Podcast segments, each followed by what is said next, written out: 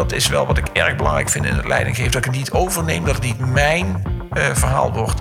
Maar dat de mensen die uh, erin staan, dat hun opvattingen, hun uh, waarden zo goed mogelijk wordt gediend. Om van daaruit ook, ook hun werk te doen. Je ziet nu ook dat in deze crisis er een paar leiders nu over zichzelf aan, het praten slaan. Ja, dat is iets waar ik zelf niet zo heel mee heb. Nou ja, ik geloof heel erg in het betrekken van mensen op basis van hun eigen motivatie. Ik had gewild dat ik wat verder had kunnen vooruitzien.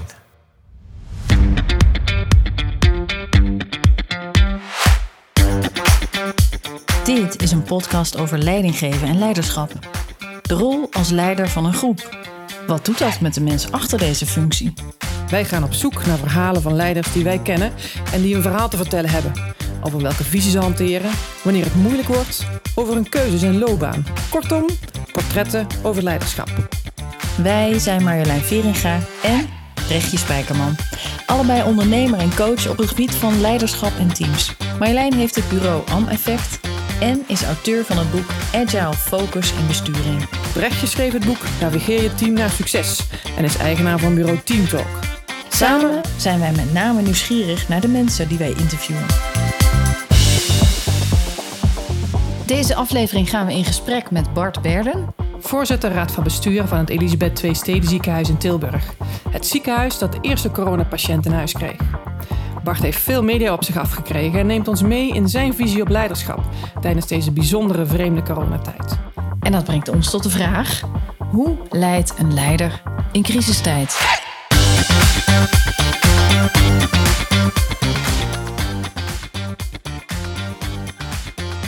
Bart Berden. Ik uh, werk in het Elisabeth Weststeden ziekenhuis. En uh, al sinds een hele lange tijd in het Elisabeth ziekenhuis ben ik begonnen. 15 jaar geleden, ruim 15 jaar geleden. En een van de, van de leden van het bestuur, wat voor directie heette, is tegenwoordig raad van bestuur. En sinds de fusie ben ik ook voorzitter van het bestuur van de fusieorganisatie. En daarvoor heb ik in een ander ziekenhuis een aantal andere ziekenhuizen. En daarvoor heb ik uh, in binnen- en buitenland gewerkt, ook voor commerciële bedrijven. Heb een uh, opleiding bedrijfskunde, maar ook nog een artsopleiding. En uh, heb ook nog wat met wetenschap, veel affiniteiten eigenlijk. Ik heb zelf wat wetenschap gedaan als een, als een studie, promotiestudie.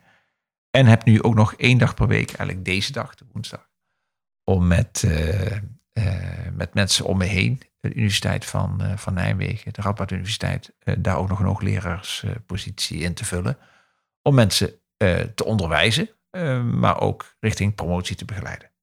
Dat is een beetje wat, ja, wat maakt dat ik mijn tijd ontzettend goed doormaak met taken die met elkaar een relatie hebben. Dat is wel heel erg waar ik in plezier in heb.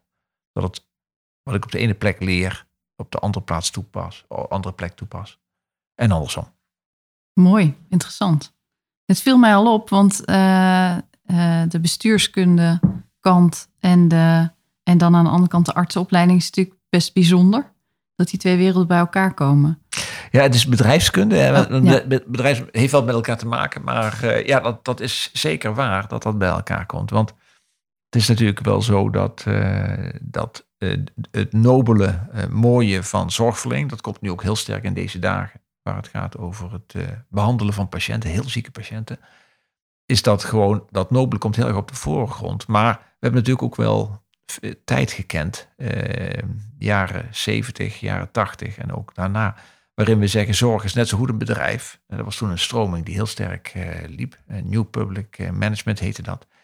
Waarvan je zei van ja, zorg moet ook in toetsbare eenheden uiteenvallen. En daar moet je over verantwoorden, daar moet over kunnen worden onderhandeld wat we ook wel markt noemen. Um, en waar we eigenlijk nu van zien dat het gewoon niet heel goed werkt. Mm. In deze fase zegt niemand van uh, zeg maar wat krijg ik eigenlijk voor het geld wat ik eraan uh, spendeer. Ja. En je ziet ook dat het sentiment van de burger gewoon uh, ook compleet een andere kant op, op gaat. Mm. Ik voorspel ook dat waar het gaat over de nieuwe verkiezingsprogramma's, dat er niet heel erg veel markt meer in zal zitten waar het de zorg aan gaat. Maar heel sterk wordt gezegd van ja, probeer terug te komen bij de kern waar zorgverlening over gaat. Maar eigenlijk is het snijvlak uh, in jouw keuze, is precies dus waar nu de discussie over gaat. Ja, dat bedrijfskundige. is het. Uh, ja. En ik ben heel benieuwd, wat volgde wat op? Deed je eerst je artsenopleiding Ja. en dacht je toen, Ja. ik wil hier iets veranderen? Of had je um, een zucht aan kennis van, hey, hoe zit dit precies? Hoe steekt dit in elkaar? Of kwam het vanuit idealisme voort dat je die bedrijfsmatige kant op bent gegaan? Nou ja, kijk, de artsenopleiding is een fantastische opleiding omdat je uh, heel veel dingen leert. Uh, biologie of de biologie van het uh, lichaam, om het zo te zeggen. En dan ook de toepassing daarvan. om mensen ook te diagnosticeren en ook te behandelen. Um, maar dat komt, zit heel sterk in één op één relatie op dat vlak. En wat ik wel ervoer, dat als ik uh, ook dingen wilde veranderen of dingen wilde bijdragen, dat ik ook geïnteresseerd raakte in wat meer afstand, meerdere mensen. Um, en dan kom je ook bij organisaties, uh, bedrijven. Nou ja, en dat bracht mij op het spoor. Dat was eigenlijk nadat ik uh, ook een, tijd, een korte tijd had gepraktiseerd. En het aardige is wel, geneeskunde brengt je onvoorstelbaar nabij het, mensen. En dat is iets wat ik toch eigenlijk altijd erg gemist heb. Want die nabijheid, ook gewoon in de ogen kijken van, uh, van mensen. Ook mo dingen mogen delen die heel uh, intiem zijn, uh, heel vertrouwelijk zijn. Dat maakt het vak van hulpverlener, of het nou een psycholoog, een, een verpleegkundige, een arts, maakt het gewoon verschrikkelijk mooi. Hmm. Maar ik zag wel dat ik op termijn vast zou lopen en dat ik ook heel sterk dingen zou willen veranderen op een grotere schaal. En dat Ja. maakt dat ik toen eh, bedrijfskunde een prachtige vond. En daarna eigenlijk altijd gewoon heb gewerkt in combinaties. Van waar ik en de, die menselijke zijde, vermeerderd met, met eh, ook psychologie, culturele antropologie, sociologie. Want het zijn allemaal elementen die ook heel sterk in het werk wat ik daarna heb gedaan eh, van toepassing waren. Ehm, maar ook begrijp wat het is om te moeten verantwoorden, om te organiseren, om ook niet inefficiënt te zijn. En als ik nu kijk naar een thema wat bijvoorbeeld erg speelt. eh, wij leven enorm op een soortement van verantwoordingsdruk. Eh, heel veel registreren en dat heel veel delen. Ja, dan begrijp ik daar de bedrijfskundige kant van. Maar ik snap ook heel goed wat het voor de professionals betekent. Dat dit gewoon een enorme belemmering is die helemaal niets aan waarde toevoegt. Ja, En helpt deze combinatie ook in de crisis waar we nu in zitten? Want het zal wat anders besturen zijn dan anders, kan ik me voorstellen. Ja, ja, het is natuurlijk wel zo dat, kijk, ik heb die opleiding al een hele tijd geleden gedaan. En dan word je op een gegeven moment gelanceerd en dan ga je die twee dingen gebruiken in je. En ik denk dat nu eh, ervaring ook een heel belangrijk punt is. Mhm. Ik eh, loop al wat tijd mee, waardoor ik op het begin ook wel weet hoe bepaalde zaken in elkaar grijpen. Hoe de inhoudelijkheid en, en de verantwoordingskant, de, de financiële kant in elkaar grijpen. En dat heb ik nu ook enorm eh, gezien. Hmm. Eh, en bijvoorbeeld eh, eh, het punt dat je in een command- en controlestructuur zit in een crisis, waarin je veel minder ruimte laat voor debat, discussie, maar heel goed afweegt van waar je dat wel toelaat en waar je zegt van ja, dit gaan we nu toch echt zo doen, want we verliezen tijd als wij hier heel lang over gaan, gaan discussiëren. dan zijn we meteen aanbeland op iets wat Marjolein en ik heel graag met jou wilden bespreken. En dat gaat juist hierover. Ehm, dat je in crisistijd misschien wat minder ruimte kan geven aan eh, anderen. Maar dat je op een leidinggevende positie misschien wat meer oldschool, hiërarchischer ehm, keuzes moet maken. Ja, Hoe, hoe ervaar jij dat? Of hoe... Ja, Zit dat er juist dichter ja. bij jou of juist Ja, niet? Of- ik, vind, ik vind dat contrast eh, niet helemaal invoelbaar. Eh, want er zitten ook een aantal elementen in waarvan je zegt, ja, die zijn door extern ons opgelegd. Eh, maar daar zijn we helemaal niet gelukkig mee. En daar is iedereen het over eens dat dat eh, nu fantastisch is om dat even terzijde te schuiven. En ik noem zoiets als ehm, eh, de hele wet en regelgeving rondom het beschermen van privacy. Dat is toch naar veel eh, eh, eh, eh, professionals, en dat vind ik zelf ook, is dat doorgeschoten. Nou, en dat is nu echt eendrachtig om te zeggen, weet je wat, dat, even terzijde. Ook zijn er eh, eh, regelgevingen op allerlei andere terreinen waar je ontzettend blij bent dat je eindelijk kunt zeggen, weet je wat, laat het even. Dus dat is helemaal niet een Ja. contrast met, maar wel meer van wat voor een claim heeft eh, de omgeving op de zorg gelegd. Een klauw die ook fantastisch is om op een gegeven moment onder deze legitimiteit ook te zeggen, terzijde. Ehm, dus dat, dat is niet per se in, in, het, in de controverse die jullie net benoemen. En je zou kunnen zeggen dat past eigenlijk heel goed, want je geeft professionals veel meer ruim baan. Mhm. En ehm, eh, dat- is wel, eh, eh, wel pure winst geweest in, in deze crisis. Kijk je over dat het af en toe doorgedemocratiseerd is, dat iedereen er iets van mag vinden. En met name vind ik een mooie uitspraak van, hè, daar was ik het toen al niet mee eens. Een hele mooie, van we zijn vrolijk verder gegaan, maar dan terugkijken, ja, ik was er toen al niet mee eens. En dan de vrijheid nemen om dat weer nu relevant te laten zijn. Nou ja, dat is wel een zegen om ook heel resultaatgericht.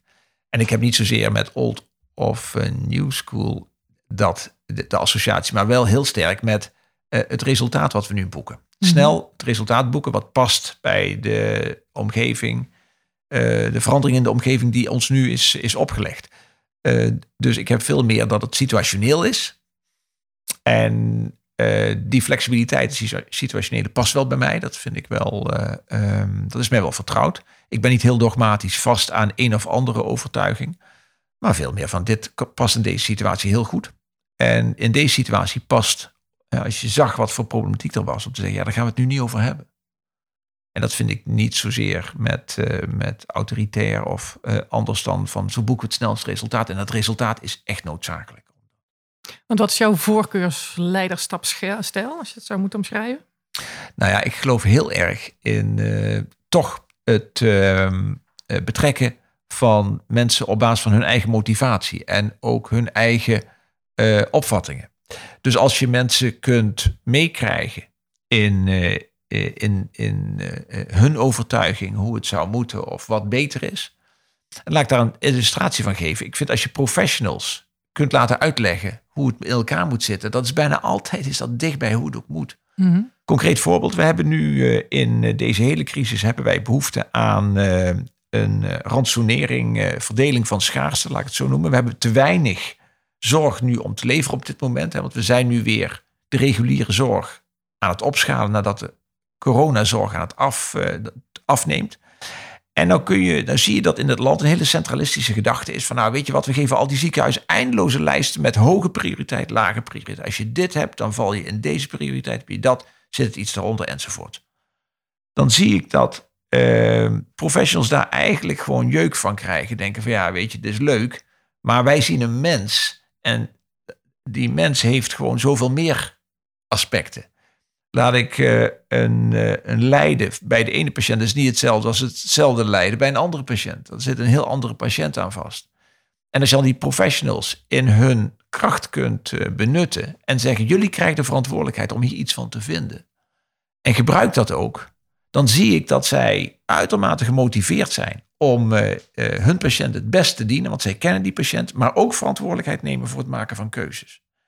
En dat is wat mij betreft eigenlijk van alle tijden. Van deze tijd, maar ook van andere tijden. Omdat je dan eigenlijk mensen, wat ik net zei, dat is wel wat ik erg belangrijk vind in het leidinggeven. Dat ik het niet overneem, dat het niet mijn eh, verhaal wordt. Maar dat de mensen die erin staan, dat hun opvattingen, hun eh, eh, waarden eh, zo goed mogelijk wordt gediend. Om van daaruit ook, te- ook hun werk te doen. En zeg je er eigenlijk dus bij dat het, hoe dat nu bedacht is, zeg maar, vanuit nou, die lijsten met wie, wanneer behandeld zou moeten worden, dat, dat, dat het dat eigenlijk mist. Ja, ik vind dat dat een typisch gevalletje is van centralisatie waar de plank wordt gemist. Want je gebruikt niet het arsenaal, je gebruikt niet de zeer toegewijde mensen die je hebt. En eh, eh, je zou het kunnen noemen dat, dat we een beetje eh overlet en undermanaged zijn op dit moment. Hè. Dit, het zijn allemaal grote vergezichten. Eh, een beetje dat, dat wat, wat zo'n eh, schoenenmerk eh, eh, eh, Just Do It. Dat is heel sterk de offer. Just do it. We moeten gewoon een nieuwe app regelen en dan hup, gaan met die banaan. Terwijl de werkelijkheid is dat het, de implementatie daarvan, eh, het tot recht laten komen van alle deskundigheid, eh, alle opvattingen, om dan tot resultaat komen, eigenlijk heel erg aan de laars wordt gelapt. En dat noem ik met undermanaged. Dat je dus eigenlijk niet ruimte geeft voor implementatie van zoiets. Het goed doordenken van zaken. En daar zitten we nu heel erg Ja. in. Ik denk dat als een evaluatie straks komt, dat dit ook echt, hoop ik erg, een thema is wat eruit komt. Dat we in deze fase veel te just do it eh, benadering hebben gekozen op veel punten. Terwijl je gewoon zegt, van, ja, de kracht zit echt bij mensen die met hart en ziel eh, en deskundig in hun, eh, in hun werk staan. En betrekt die. Maar het is heel mooi wat jij zegt. Hè? Ehm, over leiding geven. Je hebt, je hebt ons veel eh, verteld ook over jouw stijl en waar jij van bent, wat je visie daarin is. Lukt dat wel eens niet? Ja, voortdurend. En wat, wat kom je dan allemaal tegen? Het ruist, uh, gebeuren de dingen die tegen jouw waarde ingaan? Ja, heel goed punt. Hm? Nou, heb je een goede punt, een goede lead. Want eh, als het een waardepatroon is wat ik, waar ik mij niet, mij niet vertrouwd voel, dan wordt, het, dan wordt het spannend, gaat het schuren. En dan is het ook een zaak om te kijken of je daar wel verder in kunt komen. En kijk, uh, ik ben wat niet... zou jouw waardes zijn? Kan je dat als op Nou ja, een beetje beeld ja, jullie hebben? willen een illustratie. Nou, een illustratie die ik gewoon heel erg... Uh, ik vind dat uh, compassie niet zo heel veel met geld te maken heeft. En als er uh, in deze tijd, laat ik het gewoon illustreren, maar weer met deze tijd. Als er ondernemers zijn die zeggen, nou weet je, er is zoveel schaarste aan dat beschermingsmateriaal, mondkapjes of... Wij gaan daar boekerprijzen, ja, daar heb ik niks mee. Mm. Ik vind geld interessant als uh, middel, maar totaal niet als doel. En uh, uh, ja, daar heb ik helemaal niks mee. En dat, en dat is ook wel waar mijn zwakte zit. Omdat ik dan ook wel af en toe me daar zo aan kan storen. Dat ik uh, echt mezelf tot de orde moet roepen om niet daar te zeer door te zeggen, ja, dan zak erin. Terwijl je toch af en toe zaken zult moeten doen om die mondkapjes, als er dan zo weinig ja. zijn, toch wel binnen te halen. Mm -hmm. En weet jij wat jouw eigen waarden zijn? Of ontdek je ze als ze botsen? Dat ze zichtbaar worden ja. van, oh, daar sta ik kennelijk anders in. Ja, als je het betrekt op leidinggeven, dan weet ik vrij goed wel waar ik voor sta. Ja, dan ben ik wel heel benieuwd. Hoe zou jij jezelf omschrijven in waarden? Uh, ik ben uh, toch wel ehm, erg op uh, consistentie. Dat, dat um, ik vind dat het allemaal met elkaar te verbinden moet zijn. Integriteit is voor mij echt ook een hele belangrijke. En in, als je kijkt specifiek naar het werk wat ik doe, vind ik zaken als rechtvaardigheid, uh, compassie, vind ik ook hele belangrijke kernwaarden van waar ik eigenlijk steeds uit probeer te, te vertrekken. En dan heb ik er een, he, maar vier even genoemd. Uh, het zijn natuurlijk altijd meer of je kunt ze verfijnen, maar dat is wel uh, uh, waar, wat ik vaak probeer in mijn werk terug te laten komen. Heb jij net de, de waarde genoemd waar je het meest van over de rode gaat als die wordt, met voeten wordt getreden? Nou, kijk, ik vind dat integriteit vind ik, vind, ik, vind ik veel breder dan alleen maar het eigen gewin. Uh, integriteit heeft ook te maken met hoe je mensen voor de gek houdt of op welke schaal je dat doet. Of, uh, dus dat, is, dat vind ik eigenlijk. En, en zoiets als, als rechtvaardigheid. Het is natuurlijk ook iets. Uh, rechtvaardige verdeling van dingen vind ik ook wel echt een hele. Het zijn best wel spannende waarden, want Ja. die komen op jouw positie onder Zeker. druk. Ja, en dat maakt ook dat ik gewoon zo'n fantastisch leuk werk heb. Ja. Of mooi werk heb, of uitdagend werk heb, hè, welke term je wilt kiezen. Maar het, het houdt nooit op, want er zitten zoveel dilemma's in. En merk je dat nu bij deze crisis dan dus ook extra? Ja, ja, absoluut. En welke zou je zeggen van ja, die kom ik nu echt het vaakst tegen? Ik vind uh, dat uh, wij uh, rechtvaardiging, proportionaliteit is iets wat ik heel vaak tegenkom nu. En hoe kom je dat tegen? Nou, bijvoorbeeld de discussie toen wij te weinig IC-bedden hadden. Mm -hmm. wat is nou proportioneel? Maar ook nu, nu je ziet van er zijn nog patiënten die aan corona lijden. Maar er zijn ook inmiddels patiënten die serieus lijden hebben. En, uh, of de verdenking op. En daar moet, je ook, daar moet je ook een rechtvaardige verdeling vinden. Dat is ontzettend lastig. En ik ken wat specifieke casuïstiek. Waar die, die artsen, verpleegkundigen mij laten zien. En waar ik me echt de tandjes van schrik. Waarvan ik, ik denk van ja, als, als ik dat zou zijn. Of, en ik zou dat moeten uitleggen. Ja, of zou moeten accepteren. Dat zou mij nooit lukken. En hoe pak je dat dan aan, zeg maar, als je dit soort dingen dan in het ziekenhuis ziet? Nou ja, wat ik net zei, ik probeer heel sterk hierin dat bespreekbaar te maken met, met de professionals die daar kijk op hebben. En hen te vragen om daar zich over uit te spreken. En daar ook, een, aan, daar, daar ook sturing aan te geven. En dat doen ze dus ook. En dat blijft leidend, ook al wordt de situatie heel penibel. Want dat was natuurlijk dat soms natuurlijk toch wel. Ja, wat ik fantastisch vind, als je de professionals op de goede manier aanspreekt dan uh, duiken zij niet. Mm -mm. Duiken ze eigenlijk nooit. Nee. Want het wordt zo vaak gezegd, de politiek moet hier maar over beslissen. Nou, de politiek zal dat nooit doen, dat snap ik ook wel waarom.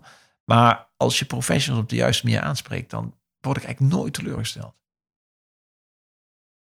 Dus daarom kies je die, blijf je die aanpak kiezen. Ja, ik geloof daar erg in. Ja, Ja. mooi. toch wel ontzettend benieuwd naar zo'n voorbeeld van het dilemma wat je net benoemt. Mag en kun je daar een voorbeeld van Ja, geven tuurlijk. om een Ja. beeld bij te krijgen Ja, hoe ja. dat eruit ziet? Ja, er zijn er, eh, er zijn er heel veel. Kijk, wij hebben eigenlijk een hele sterke st- eh, beweging gehad toen die crisis net ontstond van alles voor de coronapatiënt. Dat hebben jullie zelf ook, ook kunnen meemaken. Alles ging elke dag weer over die coronapatiënt. Op dat moment was er eigenlijk, waren er maar weinig bezig. Die dachten van ja, maar er zijn ook mensen met bijvoorbeeld een vlekje op de huid. Die denken van is dit nou huidkanker, melanoom? En een melanoom heeft als ver- ver- verdrietige consequentie Ehm, zeker bepaalde vormen van melanoom, dat ze ontzettend agressief zijn. En als ze al een klein beetje verder groeien, ja, dat, dat dat al niet meer verenigbaar is met een vijfjaarsoverleving. Nou ja, dat was op dat moment was er geen enkel oog of oor voor. En dat eh, is disproportioneel. Want het disproportionele is dat je coronapatiënten die ernstig ziek zijn, waarvan je denkt die hebben toch een hele sombere prognose, tegenover deze patiënten, waarvan je denkt van ja, met een betrekkelijk eenvoudige ingreep is daar nog gewoon veel aan te doen. Ja, dat is een hele lastige. En eh, ook ik ben eh, te laat geweest met dat te zien. En een week of drie geleden zijn wij eigenlijk met dit thema aan de slag gegaan. En hebben wij eh, eh, gepoogd om eh, nou ja, na te denken over hoe we nu die, andere zorg kunnen opschalen. Dat is eergisteren gebeurd. En volgende week starten we weer een portie op. En zo probeer ik daarmee om te gaan. En onderwijl hebben we onze professionals gevraagd van help mee de keuzes te maken. Had iemand jou op de schouder getikt en gezegd het gaat verkeerd zo? Of ben je, heb jij zelf in één keer geconstateerd van hé, er, er gebeurt iets wat disproportioneel? Eh, dat Is- in de diverse contacten. Ja. Het gebeurt mij maar zelden, misschien is dat, een, is dat een zwakte van mij, maar het gebeurt maar zelden dat ik een, een dermate lucide idee krijg dat ik denk van hé, maar ik weet hoe, hoe, het, eh, hoe de wereld in elkaar zit. Ik lees veel, kijk veel, ik spreek ook veel eh, mensen en op een gegeven moment denk je van ja, als ik deze puzzelstukjes zo zie, dan zou dat nog wel eens heel verstandig kunnen zijn. Ja. Zoals nu ook, hè, want nu zijn wij dus midden weer in die heropstartfase van de andere zorg. Nu spreek met een aantal mensen en dan wordt mij duidelijk dat het ziekenhuis van morgen er niet meer zo uit zal zien als het ziekenhuis van gisteren. En dat over een jaar, over een jaar, hoe voor een half jaar of een jaar hoe het eruit ziet, dan moeten we echt opnieuw bedenken. Nou, en daar moeten we nu al mee beginnen om te zien hoe dat er straks uitziet. Dus zo gaat dat. Dat is echt, echt eh, eh, ehm, nou ja, eh, puzzelstukjes bij elkaar rangschikken, ordenen. Wat Vestdijk ooit zei, wij zijn laat geboren en onze kracht zit met name in het, eh, in het herordenen van het reeds bestaande. En het reeds bestaande komt ons elke dag op allerlei manieren toe. Nou, kijk daarnaar en denk dan wat zou dan verstandig zijn om het dus eh, zo aan te pakken. Waar ik ook nog wel nieuwsgierig naar ben, want in deze crisis heb je natuurlijk ineens veel meer druk van buitenaf nog. Alle camera's staan gericht op alle ziekenhuizen en dergelijke. Heeft dat nog impact over hoe jij nu leiding geeft en ermee omgaat? Nee, niet veel. Nee? Nee, Je laat je daar niet door afleiden Nee. door al dat. eh, nee. Ik heb daar niet zo heel veel, eh, heel veel last van. Wat je wel doet, maar dat zit al wat ik straks zei, dat de verantwoordingsplicht zodanig in Nederland is dat er ook niet veel bij zou kunnen komen. je was er al aan gewend. Precies. Eh, maar wat, je, wat ik wel doe, ik probeer wel ook mee met, met, met, met gesteund met zo'n, met zo'n communicatieonderdeel, wat in een ziekenhuis een enorm groot deel is, eh, probeer ik wel voortdurend met iedereen te communiceren. Want dat is in wezen veel meer eh, het, het, eh, wat helpt om voortdurend te laten horen waar staan we, wat zijn we aan het doen. En dat is ook de reden waarom in de media het verstandig is om ook aandacht te vragen voor deze problematiek. Maar het is niet zo dat, eh, dat je daardoor heel anders. eh zou ik wel zorgwekkend vinden hoor. Als je het allemaal voor, eh, voor de bühne zou. eh, Nee, maar ik kan me ook voorstellen dat jullie wel eens minder door de pers zijn gebeld. Zo Oh ja. in de ja, zeker. afgelopen weken. Dat Ja. geeft ook veel druk. Terwijl dat- jullie je eigenlijk met andere zaken misschien bezig willen dat houden. valt nog wel mee. Kijk, wat wij probeer, proberen en probeerden. Gewoon toch eh, die media ook te gebruiken. Om eh, mensen om ons heen te informeren. En wat mij steeds weer opvalt is hoe onze eigen medewerkers, en dat zijn zo'n 6.500 mensen, hoe die door de media een beeld krijgen over hun eigen organisatie. Ja. Dat is interessant. Ja, En dat maakt ook dat, dat zij, als ze het in de krant lezen, meer als waar beschouwen. Terwijl hè, dat is zo merkwaardig, dan dat ze het via de interne media horen. Dat is wel een hele mooie benadering, een strategie om zo goed voor je mensen te zorgen door in de media dingen te Ja, en ook voor. Brabant. Hè? Ja. Eh, want Brabant ligt verdomd ver van Den Haag. En eh, ook daar eh, op deze wijze. En als je kijkt hoe wij ons in de media hebben proberen te uiten, was dat wij steeds ons afvroegen: wat voor boodschap hebben wij te delen? Mhm. En ook heel veel, eh, eh, eh, heel vaak heb ik gezegd, dat moeten we nu niet doen. We hebben niks te zeggen of dit is alleen maar ergens te gaan zitten. Maar niet om weer iets te laten.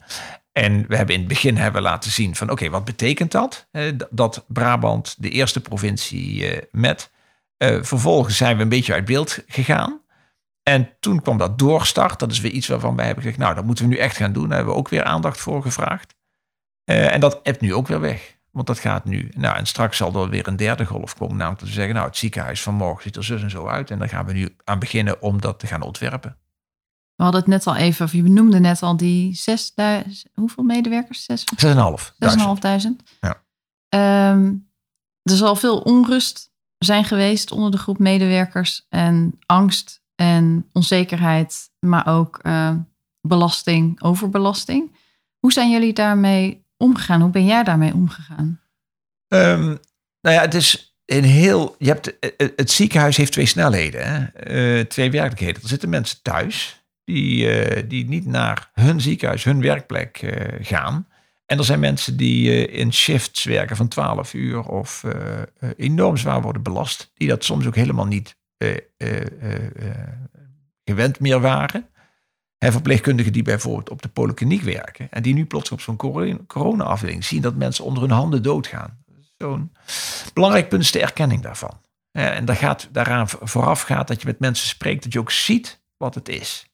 En het is niet zo dat ik elke dag eh, een uur op een afdeling meehelp. Eh, Je hebt ook wel mensen die daar enorm over eh, opgeven.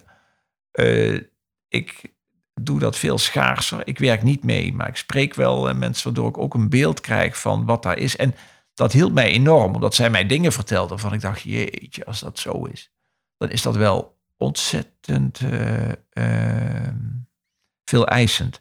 Wat zij mij beschreven was hoe ziek die mensen eraan toe waren. Het waren benauwde mensen.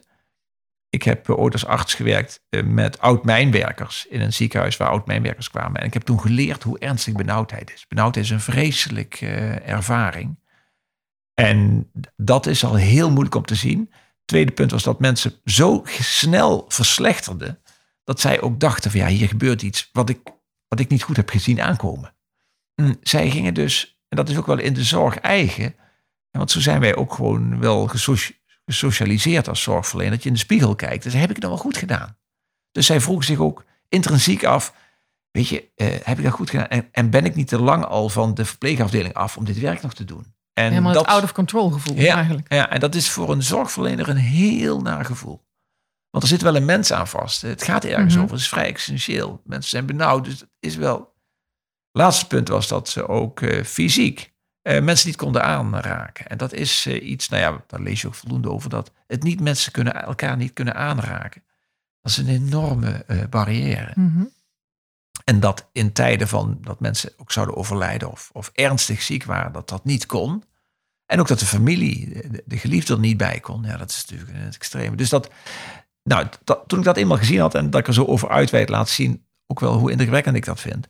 Ehm, en vervolgens dat erkennen. Die erkenning vinden professionals ontzettend belangrijk. Nou ja, professionals, iedereen vindt erkenning heel belangrijk. En dat dat erkend werd. En daar heb ik de media ook voor gebruikt om vroegtijdig te laten, te laten zien. Waar, gaat het eigenlijk over? Wat, wat is dit nou voor beeld? En dat was zoiets als uh, Jinek is daar een heel mooi moment voor. Want da, daar, dat is wel de goede omgeving voor zoiets. Hier is niemand namelijk, niemand kan het bagatelliseren of niet serieus nemen. En uh, de derde stap was uh, dat er ook maatregelen op volgden. En die zijn ook genomen. Onze uh, geestelijk verzorgers, uh, onze psychologen, nou, een hele trits van mensen zijn in het geweer gekomen. En tot op de dag van vandaag besteden daar heel veel aandacht aan. Om op die manier gewoon daarin mensen ook die erkenning om te zetten in ook uh, tastbaar resultaat. Dat zij ook zien van dit gebeurt ermee. Dus niet en, alleen woorden, maar je handelt er ook naar. Ja. Dat is wat je echt mensen ja. wil laten zien. Ja. ja. En daar is dit een prachtige illustratie. En nu wordt het spannend, want nu zien we dat we die mensen weer nodig hebben. En dan komt ook het beetje- punt van integriteit, eerlijk zijn. Eh, nu zien we dat we die mensen ook nodig hebben, terwijl ze nog vaak gewoon nog echt belast worden. Dan moet je ook eerlijk zeggen, van, ja weet je, eh, we hebben jullie wel keihard nodig. Mhm. Dus we gaan kijken wat er maatwerk voor jullie is. Hè. Maar als je weer snel kunt werken, dan gaan, je, gaan we je wel inzetten. Is niet zo dat we dat, eh, dat, dat gewoon nu zo'n beetje is van... eh, als je daar geen zin in hebt, dan, eh, dan is het prima als je thuis blijft. Dat vinden we niet. Maar als je het nodig hebt, vinden we het wel oké dat je thuis blijft. Of dat je daar een andere manier van, van begeleiding krijgt. Mooi. Als je nou terugkijkt op de afgelopen weken, twee, drie maanden. Welke dingen zou je dan anders hebben gedaan? Ehm, nou ja, kijk, ik had gewild dat ik wat verder had kunnen vooruitzien. Hm. En eh, wat, waar we het net even over hadden, eh, waar jij ook de vraag stelde, heb je dat zelf bedacht of is dat... eh, ik had in wezen liever iets meer zicht willen houden op de patiënten waar we geen zicht meer op hielden. Omdat ik nu ook wel zie dat dat meer uit de klauwen is gelopen dan, dan ik had dat ik heb gezien. En ja, daar, daar was meer aan te doen d- dan eraan is gedaan. Om jullie een concreet voorbeeld te geven, er zijn eh, bijvoorbeeld eh, private klinieken die gewoon doorgewerkt hebben aan zorg die niet heel erg cruciaal was. Nou, ik denk dat daar bijvoorbeeld meer beter gebruik van. Hadden zij ook beslist wel gewild. Maar ik denk dat dat, dat is iets wat we hadden laten liggen. Ik vind ook dat wij te weinig zorg hebben gehad voor de thuiszorg en de verpleeghuizen. Ook zoiets waarvan ik denk, want ik ben ook voorzitter van het eh, regionaal overleg acute zorg. Dat zijn alle acute zorginstellingen in een provincie. En we hebben heel sterk die focus op die ziekenhuizen gehad. Die IC heb ik ook aan bijgedragen. Terwijl eh, eh, partijen als de thuiszorg en de verpleeghuizen gewoon wat meer in de kou hebben gestaan. Huisartsen valt denk ik iets mee, omdat zij zelf ook goed georganiseerd zijn. En, maar voor de thuiszorg, ja, dat is toch gewoon iets meer op afstand. Maar kon je die, die er toen wel bij hebben, toen de crisis uitbrak? Ja, dat had gemoeten. Dat hadden we dus gewoon wel georganiseerd. Dat was wel gelukt. Dat, was, eh, dat is niet het argument om te zeggen, ja, daarom eh, vielen zij gewoon even. En als je ook ziet wat voor consequenties dat heeft gehad, is dat ook wel. eh, is dat waarvan ik denk, van, nou, dat had beter gekund.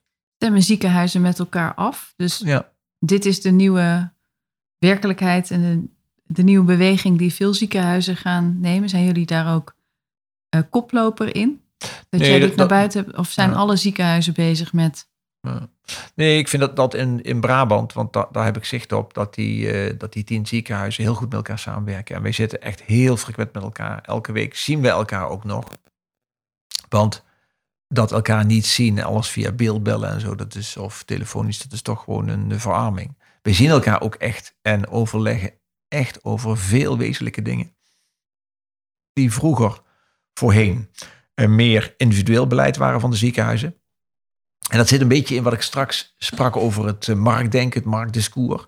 Wij waren tot voorheen eh, elkaars concurrenten. En nu zie je van, ja, weet je, schuift terzijde die concurrentiebenadering. eh, dat, markt, dat marktdiscours. Wij moeten samen voor één duidelijke lijn staan. Want dat is wat de burger van ons verwacht. En hou nou op met elkaar te beconcurreren. Want dat slaat helemaal nergens op. Dat is Nou, in ieder geval wat de crisis dan geeft. Ja, absoluut. soort. Ja, en dat is ook de reden waarom ik zeg van ja, dit gaat voorlopig weer even in de richting van stop daarmee. Ja. En dat is ook wat je zegt van eh, we moeten kijken naar het ziekenhuis van de toekomst. Of misschien wel de zorg van de toekomst. Ja, Is dat ook wat je met z'n allen dan zo op gaat pakken? Wat je Ja. misschien anders precies. veel individueler had gedaan? Ja, kijk, het is zo aardig dat ik wel eens hoor eh, uit Den Haag bijvoorbeeld, wat zijn die ziekenhuizen toch eigenzinnig en eigenmachtig. En eh, je, je eigenwijze sodemieters. Terwijl ik denk van ja, dit is wat je gebaard hebt, omdat je dat ook wilde. Mhm. Als je op een gegeven moment zegt van nou, jullie moeten allemaal je eigen broek ophouden en verantwoorden en eh, eh, eh, de, relatie tussen kosten en wat je presteert moet. Ja, dan worden ook allerlei termen uit het, uit, uit het, marktdenken, marketing, worden dan gewoon ook wel gemeengoed. En dan het hele denken van, van Porter, wat heel sterk ging van nou toegevoegde waarde. En dat afzetten tegen wat het kost, de prijs die ervoor betaald moet worden dat is helemaal in, de, in deze richting. Hè? Dat de burger eigenlijk zegt van nou, een liesbreuk daar kost 621 euro en daar 480 euro. Maar 480 euro is deze complicaties en daar die. Dus ik kies daarvoor. Maar Dat is nooit van de grond gekomen. En het laat ook nu zien dat het ook niet gaat werken. Nee, zo werkt het. Zo werken lijven natuurlijk ook gewoon niet. Nee, dat je dat zo kan precies. voorspellen. Precies. Ja. En los van het feit dat we die koststructuur helemaal niet kennen. Want daar zijn we als ziekenhuizen ook niet heel erg mee bezig geweest. Eh, om precies te zeggen wat de gemiddelde kostprijs is voor deze patiënt. Mhm. Want jullie kunnen je voorstellen dat een liesbreuk van een 30-jarige iets heel anders is dan een liesbreuk van een 85-jarige. Nooit bij stilgestaan, maar Nee. eh, Ja, dat Bij is deze. echt jouw wereld? Nee, ik, ik stelde net een vraag, nou, wat zou je anders hebben gedaan? Misschien is deze nog wel moeilijker. Wa- waarvan denk je zelf, ja, dat heb ik nou eigenlijk wel goed gedaan? Nou, kijk, wat, wat ik denk dat wel echt goed is gegaan. En goed gedaan vind ik altijd lastig om te zeggen van dat het hangt aan mij. Maar ik denk wel dat eh, wij er zijn, in zijn geslaagd, ik erin ben geslaagd, om niet te leunen op de tegenstellingen, maar heel sterk te zeggen, ja, dat is ons doel. En daar gaan wij ook, eh, eh, daar gaan wij ook wel ons heel erg op richten. En wat bedoel je niet te leunen op de tegenstellingen? Nou ja, wat ik net zei, dat we elkaars concurrenten ook ja, zijn of waren. Ja. Meer dan nu. En dat je ook nu zegt, ja, weet je, stop daarmee. En dat heeft ook te maken met van je eigen kwetsbaarheid of je eigen eh, fouten eh, te tonen. En van daaruit ook te vertrekken. Dus ook te zeggen, nou, dit heeft het eh, ETZ niet goed gedaan. Of we hebben dat niet op orde. Of god, wat heb jij dat goed ontwikkeld. Of dat zijn allemaal zaken waar je ook van... En verdomd, het is ook waar. Het is echt gewoon waar dat iedereen wel iets inbrengt. Waarvan je denkt van, nou, dat hebben jullie goed bedacht. Of eh, dan kunnen we goed lenen van elkaar. En toen we eenmaal die sfeer hadden, zijn er ook zulke mooie dingen ontwikkeld. Waar wij nu ook in het land anderen mee, weer mee eh, over informeren. Eh, en dan zie je ook dat er regio's zijn die zeggen, nou fantastisch, we nemen dat mee. En andere regio's die daar gewoon veel terughoudender in zijn. Dat is wel heel inspirerend dan, om zo met elkaar van gedachten te wisselen en Ja. met ideeën te komen. Dan helpt een gemeenschappelijke vijand toch, zeg maar. In dit soort dingen. Ja, dat corona is een fantastisch. Nou ja, dat is ook zo. Alle ballen op corona was een tijd waar we dit gesmeed hebben. En nu we weer eh, in die tweede fase komen, namelijk niet corona, moet je erg goed oppassen dat je het niet verliest. Hè, dat nu niet is van, nou weet je, als wij onze wachtlijst wat sneller kunnen helpen dan jullie, nou, dan zullen we dat niet laten. Nee. En daar slagen we nu in Brabant eh, goed in om dat bij elkaar te houden, omdat we dat gesmeed hebben. Toen nog inderdaad we één gemeenschappelijke eh, vijand hadden. En dat is, eh, eens kijken hoe lang we dat kunnen volhouden. Maar dat is wel wat we nu proberen door ook weer verder door te denken. En hoe ziet het ziekenhuis er van morgen Ja. uit? Bart, jij, je, je bent eigenlijk al jaren eh, bestuurder. Je geeft leiding. Je bent een leider. Heb jij lessen, adviezen, dingen die je mee kan geven aan jonge mensen die net beginnen op een leidinggevende positie of in een bestuursfunctie? Ja, ja, kijk, wat ik zelf eh, enorm eh, inspirerend altijd heb gevonden, is goed naar mensen kijken waarvan je denkt, weet je, dat is iemand die het, eh, die het naar mijn smaak heel goed doet. Dat is doorgaans heel natuurlijk, want je zoekt naar iemand die ook wel iets vergelijkbaars met jou heeft. Eh, dat bedoel ik niet een copycat, maar veel meer iemand die denkt van, nou, weet je, dat zit in een waardespectrum waar ik mij wel thuis bij voel. En daar ook op afstappen. Ik heb eh, vrijwel elke week wel iemand aan mijn bureau die zegt van... eh, hey, vertel eens even, hoe zou ik verder kunnen gaan? En dat vind ik zo goed. Dat vind ik ontzettend leuk. Dat is ook heel eervol, hè? En dan, dan luister ik naar, daarna en dan denk van... Nou, stel nou dat de rollen andersom zijn. Dat ik zo daar zou zitten, jij zou hier zitten. En wat, dan? En daar komen hele leuke gesprekken uit. En dat is volgens mij voor allebei heel erg leuk. Dus als je voor jongere mensen zeg ik echt van stap op mensen af. Het is zeer zelden dat iemand zegt van ja zeg eh, hallo, ik heb wel iets anders te doen. Of weet je wat ik per uur kost? Zeer, dat is mij eigenlijk nooit overkomen. Maar ik heb zo wel een paar rolmodellen of eh, mensen die, eh, op wiens schouders ik heb mogen staan. Heb ik zo wel gekregen. En dat heeft mij enorm gevormd. Ik heb, om ze een detail te noemen, eh, van eh, een, eh, bestuurder van een academisch ziekenhuis leerde ik dat, dat is heel triviaal, mm, maar dat vond ik toen niet. Ik was toen eind twintig. Die zei van, weet je, als iemand het moeilijk heeft, dan moet je er hartstikke snel op af. En dat was niet zozeer in een arts-patiënt situatie, maar dit was gewoon toen ik eigenlijk mijn eerste meer leidinggevende positie had. En die zei, weet je, als iemand eh, een overlijdensgeval heeft, of een eh, eh, teleurstelling, of een, dan moet je erop af. En denk nooit dat de ander dan denkt van, god, bemoei je er niet mee, of, want dat, zo werkt dat niet. En hij leerde mij om dat altijd in de vorm doen van een, een brief of een boek. Ehm, en mijn ervaring is, of ik doe dat nog steeds, ik koop heel veel boeken en die stuur ik gewoon, eh, iedereen die eh, eh, iets meemaakt, die stuur ik een, een boek of een brief. Of, het kost heel weinig moeite, want in je hoofd heb je natuurlijk wel een stramien. En dat werkt fantastisch. Dus eerste punt zou ik echt zeggen van, en dat is maar een illustratie, hè, maar, maar wel er eentje die ik toch gewoon wel, wel het is soms ook rete efficiënt, hè, want ik, ik word natuurlijk voor heel veel afscheidsbijeenkomsten uitgenodigd. Ja, nu even niet, maar normaal gesproken. En dat, dat, dan ga je naar zo'n receptie, ja, dan denk ik, wat doe ik hier? Weet je, je spreekt wel met mensen, maar dat is het niet waar je, je hebt zelden dat je van zo'n receptie terugkomt en denkt van, nou, maar dit was even gezellig of leuk of... eh, maar als je dan iemand een brief stuurt, en daar denk je echt ook even over na, met een boek, dan na de hand krijg ik van die mensen altijd de reactie van wat ontzettend leuk en wat voel ik mij gezien door, jou, eh, door jouw actie. Dus dit is ook heel efficiënt. Mooi. Dus dat is ook een even. Maar het is ook echte aandacht. Het is niet Ja. alleen efficiënt. Het is Nee, ook, eh, nee, maar ik bedoel, ik wil maar ja. zeggen, ja, je zou kunnen zeggen, god, aandacht kost tijd. Of, eh, maar dat valt reuze mee, eh, vind ik het. En dit vind ik een mooie illustratie.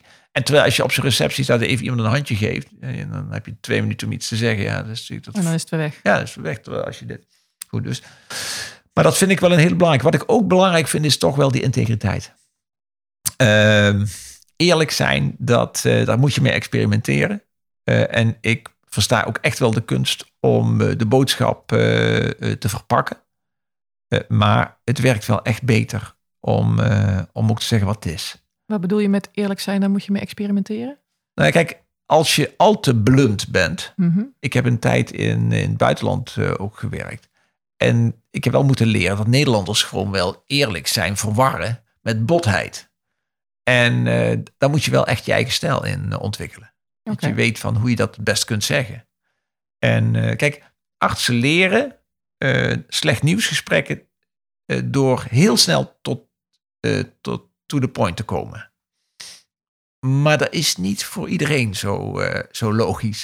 Het is wel een hele Nederlandse manier om dat te doen. Ja. Wij denken dat dat, nou, dan moet je in het buitenland dus. Nee, is dat echt anders. Ja. Precies. En ik denk, daar moet je ook je eigen weg in vinden. Wat past jou nou? Mhm. En eh, het experimenteren daarin is gewoon heel, eh, heel waardevol. Nou ja, dat, dat, dat heb ik wel eh, moeten leren om daar mijn eigen weg in te vinden. Dus ook wel een heel, heel persoonlijk verhaal. Dat ik zo ben gekomen tot hier. En dat ik wel heb gezien hoe belangrijk dat is. En dat past wat mij betreft ook bij integriteit. En die consistentie om gewoon op diverse manieren toch hetzelfde geluid te laten horen. Dat vind ik wel, als je dat vroegtijdig kunt ontwikkelen, helpt je dat waanzinnig.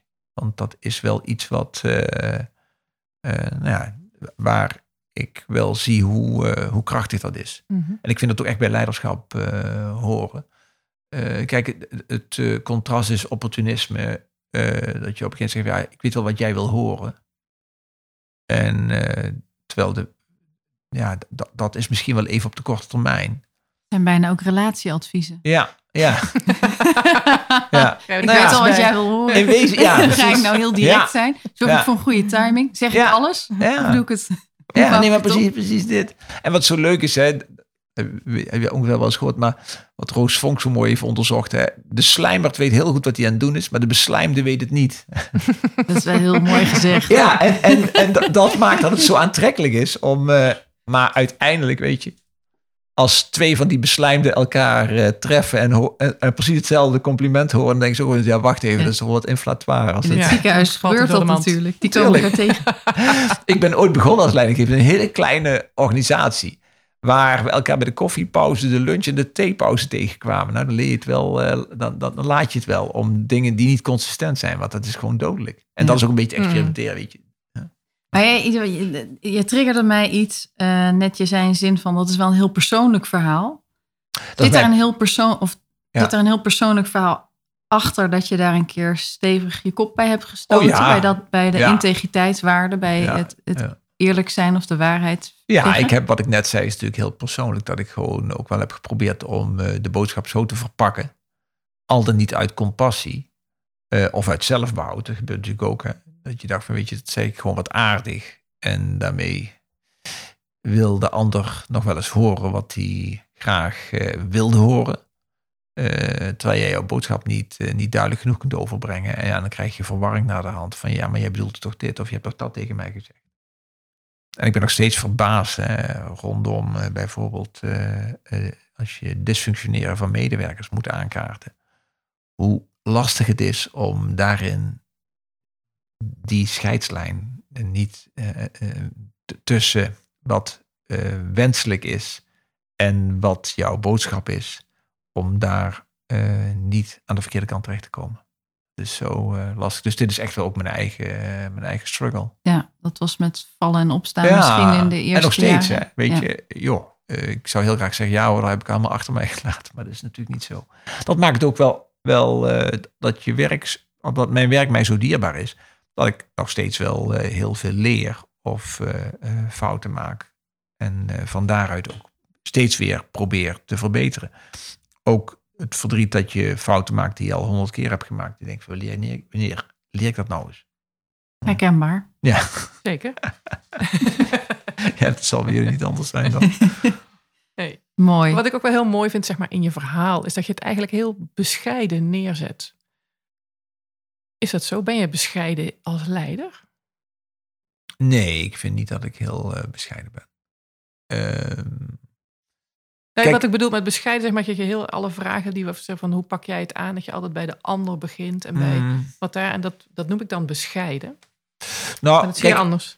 ja, ik, bescheiden heb ik het ook over eh, het, eh, het ego. En, eh, en ik denk dat ik een enigszins hanteerbaar ego heb, maar dat dat er ook is.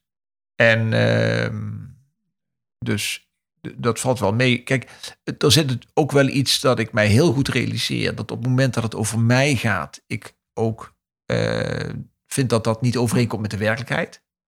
Het is zeer zelden dat je iets kunt aanwijzen aan, eh, weet je wel, het is eh, die persoon. Dus dat is niet. En het, en het is ook niet heel erg behulpzaam. Ik word wel, ik krijg wel jeuk als ik in een sessie zit waar mensen zichzelf gewoon uitvoerig gaan becomplimenteren op het behaalde resultaat. En het is maar heel zelden dat het ook terecht is. Dus het is een combinatie met dat ik dat ook niet reëel vind. Of dat Mhm. ik ook denk. En dat merken jullie wel aan mij. Ik ben wel heel erg inhoudelijk gedreven. Ik heb wel heel sterk een overtuiging dat er een, een, eh, een inhoud, eh, substantie eh, aan moet zitten. En van daaruit wil ik, raak ik reuze gemotiveerd. En dat past niet bij een of ander ver- verhaal. En eh, je ziet nu ook dat, dat in deze crisis er een paar eh, eh, leiders nu eh, over eh, zichzelf eh, aan, aan het praten slaan. Ja, dat is iets waar ik zelf niet zo heel veel van Nee. heb. Past je niet.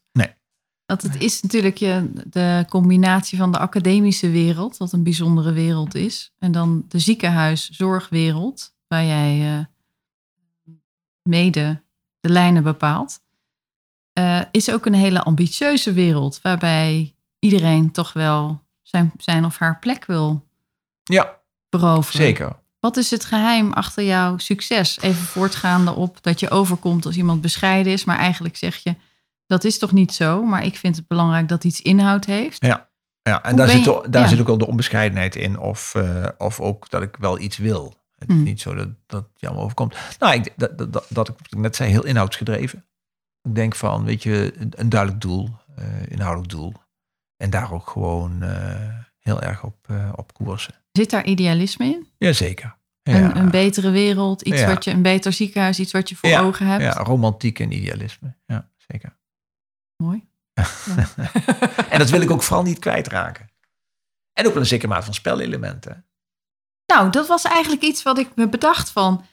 We hadden het de vorige keer, we hebben een dame geïnterviewd, eh, de bestuurder van Meerwaarde, een welzijnsorganisatie. Eh, die ondersteunen eh, gemeente Haarlemmermeer. Nu ook in de coronacrisis hebben zij vitaal eh, beroepen, sociaal werk. We hebben voor de coronacrisis haar geïnterviewd.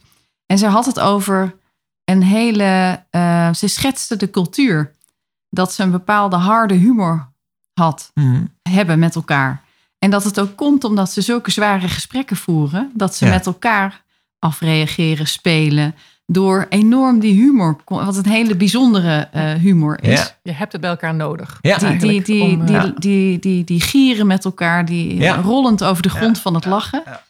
Hoe zou jij dat eh, beschrijven? Want het element moet er zijn, denk ik. Zeker, dat is natuurlijk iets waar eh, als je eh, professionals, artsen, verpleegkundigen na vreselijke dingen, dan kunnen ze ook gewoon juist deze acting out eh, hebben. En wat heel sterk hoort bij afreageren. Als ik het heb over spelhouding, bedoel ik ook nog iets anders.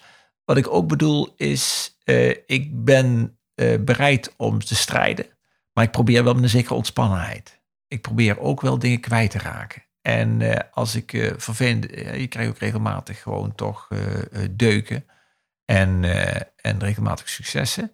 Dan probeer ik ook wel allebei te zeggen, van, ja, weet je, it's all in the game. En hoe hou jij jezelf in balans? Dat is wel een hele belangrijke. En ik zorg ervoor dat, dat ik lichamelijk in goede conditie ben. Eh, ik sport veel. Ik ben ook gewoon nu heel gefocust. En ook heel gedisciplineerd. Dat ik wel probeer eh, een zekere sleur te laten ontstaan. En in die sleur ook heel sterk me daarop te richten. Dus weet je, ik heb nu elke dag een aantal vergaderingen. En daar focus ik me ook op. En dat is de ritmiek van de dag.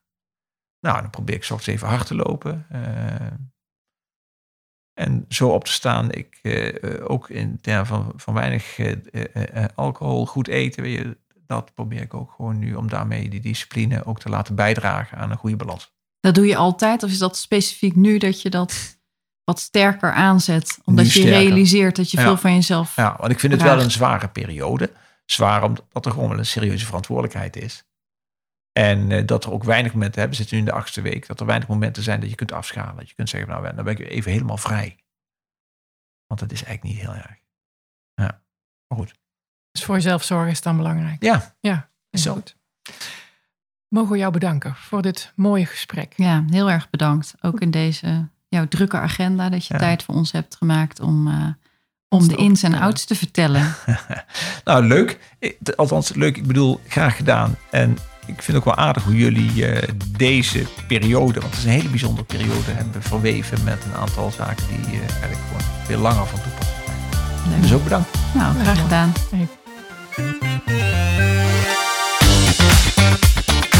Wil je meer horen? We hebben nog een aantal fantastische gasten in de aanbieding voor deze reeks. Abonneer je dan snel op onze podcastreeks en we komen graag met je in contact. Heb je complimenten, tips en wil je reageren inhoudelijk? Laat dan gewoon een comment achter en dan reageren wij snel. Voor nu zeggen wij tot de volgende keer.